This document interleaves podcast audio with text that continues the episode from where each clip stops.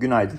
E, uluslararası piyasalara bakarsak e, dün e, ABD endekslerinin hafif artılarda e, kapadığını görüyoruz. S&P ve Nasdaq kompozit sırasıyla 0.28 ve 0.23'lük yüzdesi olarak artıyla işlem günü tamamladı. Şimdi dün en önemli verisi tüfe verisiydi. Aralık ayı tüfe verisi açıklandı. Burada detaylara baktığımızda özellikle çekirdeğin e, yıllık bazda da 5.5 artış gösterdiğini ve beklenti olan 5.4'ün üzerine çıktığını görüyoruz. Bu çekirdekteki detaylar e, daha da biraz e, açıkçası e, tüllerimizi diken diken yapıyor. Çünkü işte gene e, ikinci el araçlar e, hani aylık bazlı aralıkta da artış yap, göstermiş. %3,5 e, artış göstermiş. E, buna e, yani güya 2022 senesi için 2021 senesi için de hani tedarik zincirleri problemleri bitecekti. Burada artık farklı bir fiyatlama olacaktı. FED burada çok açıkçası çok net bir şekilde terste kaldı.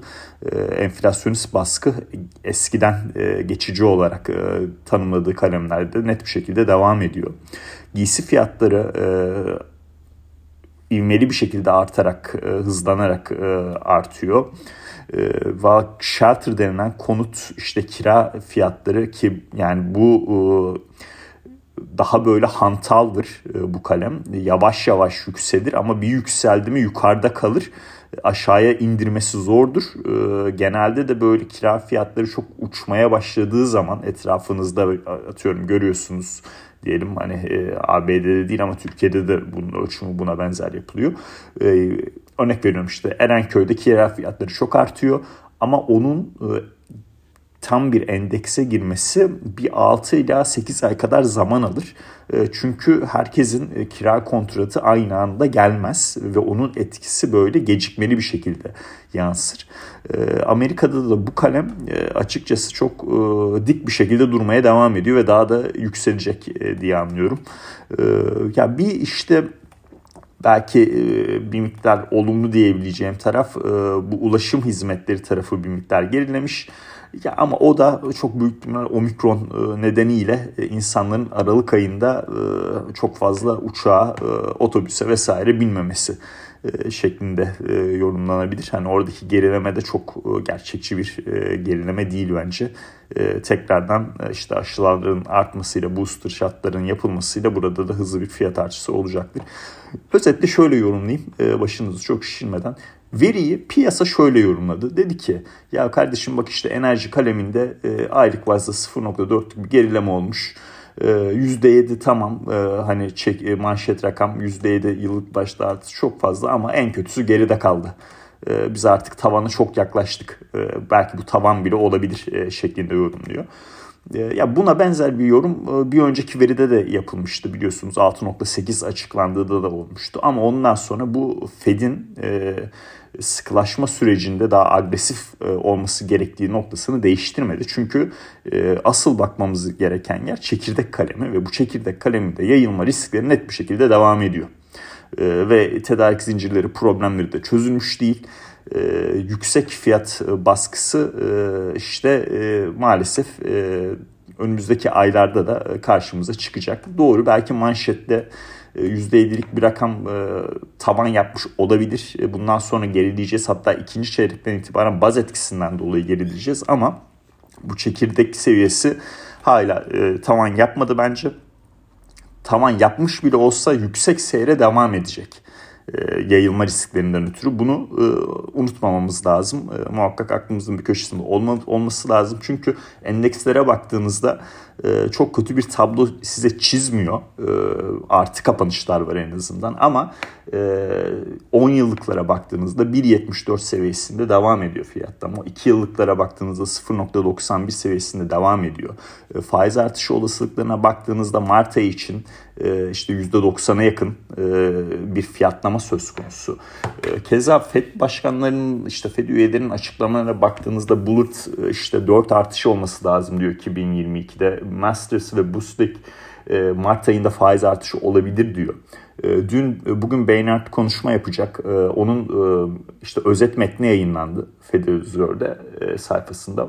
Burada da bir şey çok net. Enflasyona karşı mücadele etmeliyiz diyor. Yani e, en kötüsü geride kaldığı noktası e, belki fiyatlamalarda kısa vadeli bir rahatlama yaratabilir.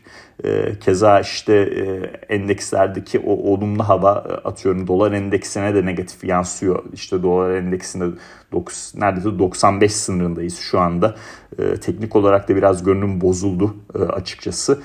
ama yani bunu toparlayacağını düşünüyorum. Yani temel olarak toparlaması gerektiğini düşünüyorum. Çünkü reel getirilerin daha da yükseleceğini düşünüyorum.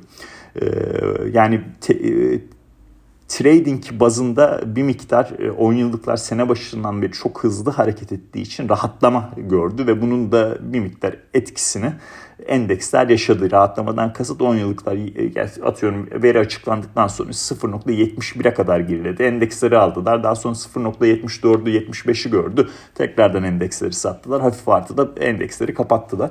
Ama e, farklı enstrümanlarda işte fiyatlamaların etkisi daha çok e, görüldü. Örneğin dolar endeksi, e, euro dolar yani 1.70 14 70'lere kadar olması lazım. Şunu bir daha bir açayım.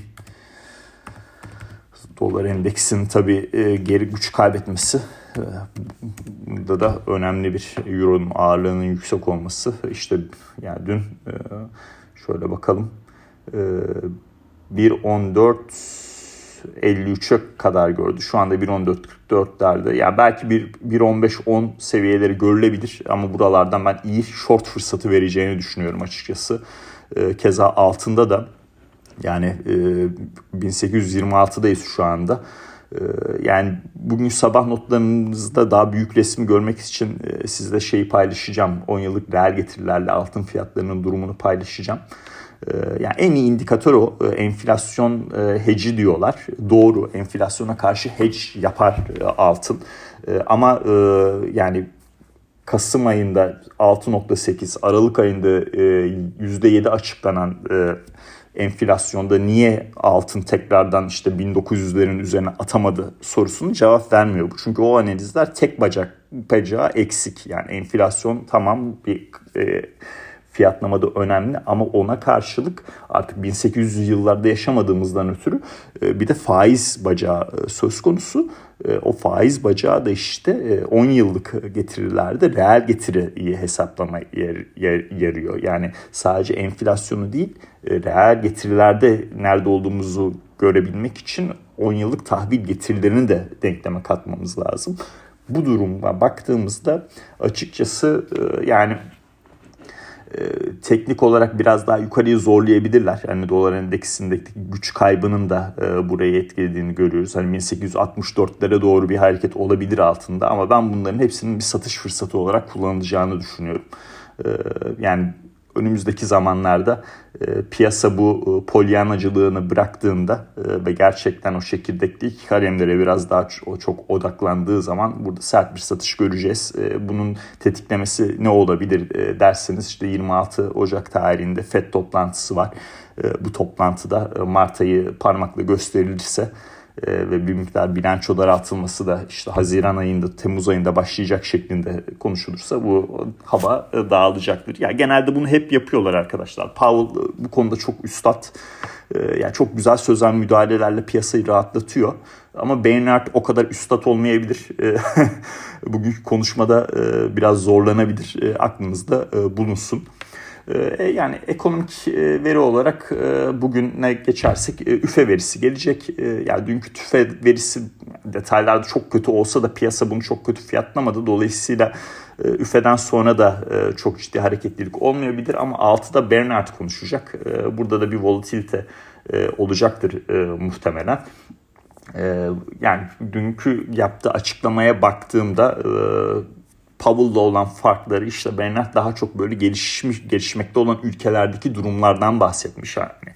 Hani nasıl orada enflasyonun e, insan hayatlarını e, etkilediğini e, ve bunu e, gözlemlediğinden bahsetmiş. Çok doğru, çok gerçekçi bir e, yaklaşım. Enflasyon ciddi bir problemdir. E, ve bunun e, ivedilikle e, her ülkede çözülmesi gere, e, gerekmektedir. E, maalesef e, gelişmekte olan ülkelerde bu bu kadar kolay olmuyor. E, bence Amerika e, Fed'in önderliğinde burada daha sert e, adımlar atacak e, ve bunun da etkileri e, yakın zamanda e, daha çok e, volatilite olarak ilk başta e, daha sonra daha güçlü dolar ve daha yüksek bir e, son günün sonunda daha yüksek bir reel getiri ortamıyla birçok varlık sınıfında e, görülecek diye düşünüyorum. E, bugünkü durumu bu şekilde kısaca özetleyebilirim size.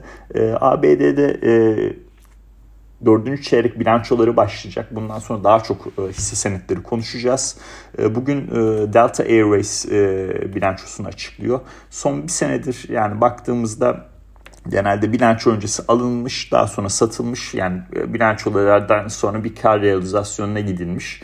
E, bu senede biliyorsunuz e, ya dördüncü çeyrekte omikron varyantı sonrası e, tabii normal olarak e, airlines'lar, e, ha, e, havayolu şirketleri e, zor bir süreç geçirdiler. Bunun da etkileri görülecektir muhtemelen bilançoda. Ben bilanço sonrası bir miktar satışla karşılaşabileceğimizi düşünüyorum Delta Airways'te. E, Burada ama gelecek sene 2000 yani daha doğrusu bu sene için 2022 için beklentileri e, öne çıkacaktır muhtemelen. E, bir diğer nokta hisseler bazında işte Çin teknoloji şirketleri iyi gidiyor. Arkadaşlar oraya muhakkak bakın. E, yani temel değerlerden çok ayrıştı çünkü. Çin politik riskleri bunu tetikledi. İşte Alibaba olsun, Pinduoduo olsun, Baidu olsun, JD.com olsun. Yani temel değerlerin şu anda çok altında e, işlemler görüyor. İşte mesela Alibaba dün e, %4'e yakın e, primlik kapattı. 137 dolar. Biz bunu konuştuğumuzda maya başladığımızda 122 dolarlardaydı diye hatırlıyorum. 50 günlüğünün de üzerine çıktı. Ben burada 148 doları ilk hedef olarak e, size paylaşabilirim e, açıkçası. Şurada tabii o şu boşluğu da doldurabilir. Ona da bakalım. Evet 148 valla çok e, gayet e, ideal bir yer olarak e, gözüküyor e, şu anda baktığımda. Bakalım. Şuraya baktığımızda evet. 148 e, dolar e, oldukça iyi bir teknik seviye Ali Baba'da. E, muhakkak buraya bir miktar daha bakın derim size. Daha bir 10 dolarlık daha gidişatı var gibi. E, tamam böyle sonlandıralım. E, yani çok da uzatmak istemiyorum. E, günün sonunda yani özetlemek gerekirse dünü e, CPI verisini piyasa daha önceden fiyatlamalarındaki işte 10 yıllıklarında hızlı hareketten sonra bir miktar rahatlama olarak fiyatladı ama detaylar hiç öyle değil. E, Fed'in e, yani sert hareketleri, agresif hareketleri yapması gerekecek. E, dolayısıyla önümüzdeki zamanlarda buna bağlı olarak volatilite de artacak. Dolar endeksindeki gerilemeye dün aşırı buldum. Altının işte 1826'larda olması ve 10 yıllıkların değer getirilerinin yükselirken hala böyle bir sert bir satış gelmemesi bana soru işaretleri yaratıyor. E, bunun aşağı yönlü çözümleneceğini düşünüyorum.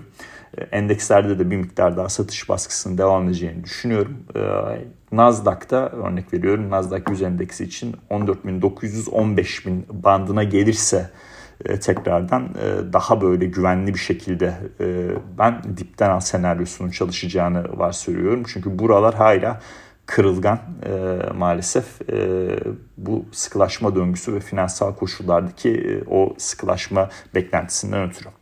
Herkese mutlu bir gün dilerim. İyi seanslar.